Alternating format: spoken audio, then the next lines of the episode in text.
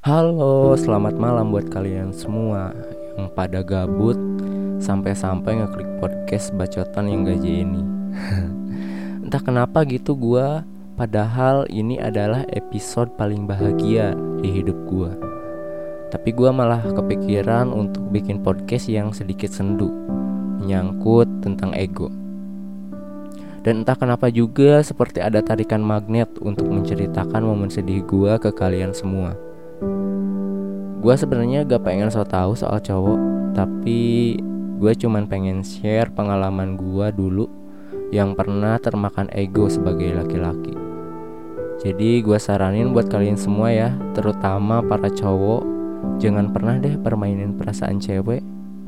Lu harus tahu kalau perasaan itu udah kayak darah daging buat cewek coy Segala tindakan yang mereka ambil pasti mengandung unsur perasaan di sana. Jadi kalau lu beneran cinta sama cewek lu, lu juga harus cinta dan jaga perasaan mereka. Ya gitu sih. Mungkin itu adalah hikmah yang gua ambil berdasarkan pengalaman gua dulu. Saat itu gua pernah jatuh cinta sama seorang cewek. Tapi jujur, buat jadi pangeran di hatinya itu susah setengah mati. Sampai-sampai dapetin nomor handphonenya pun butuh waktu satu bulan. Gilanya, padahal gua sama dia itu satu kelas coy. Gila gak tuh? Dengan itu mungkin lu bisa bayangin estimasi waktu gua untuk deketin dia. Lama banget gitu sih intinya. Tapi gue jujur aja kebanyakan cowok itu sangat excited ketika masa PDKT Termasuk gue Ya kayak oper spirit gitulah pas lagi PDKT Makanya kalau cowok lagi PDKT itu suka lebay. Ceweknya nendang batu aja batunya yang dipukulin, dimarahin. Padahal batu itu gak salah kan? Yang salah itu ceweknya lah.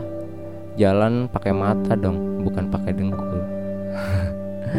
Ya gitu sih intinya kalau cowok lagi PDKT suka lebay lebay manja gitu lebay banget mungkin udah jadi rahasia publik ketika udah pacaran satu atau dua bulan gitulah kalian para cewek bakalan merasakan perbedaan yang sedikit signifikan pada cowok lu ya mungkin di antaranya yang tadinya lebay-lebay manja itu pas PDKT bakalan sedikit-sedikit hilang dan mungkin hilang sepenuhnya.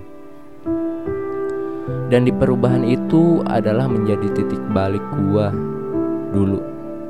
Yang tadinya gua berusaha keras untuk jadi pangeran di hatinya, tiba-tiba ada ego yang tinggi sebagai laki-laki. Merasa hebat telah bisa menaklukkan wanita. Dan akhirnya bersikap bodoh amat pada perasaannya. Padahal dia udah sayang banget sama gua goblok banget emang gue itulah kesalahan gue saat itu gue terlalu mengagungkan ego sehingga tidak menghargai perasaan dia yang udah rela membuka hatinya buat gue gue terlalu bersikap bodoh amat sampai-sampai kenyamanan yang dia dapatkan dulu dari gue mungkin udah hilang Akhirnya tak kunjung lama kami berdebat keras yang berujung pada perpisahan. Dulu, seminggu setelah perpisahan itu, gue masih menggenggam erat si ego. Masih merasa sebagai laki-laki hebat.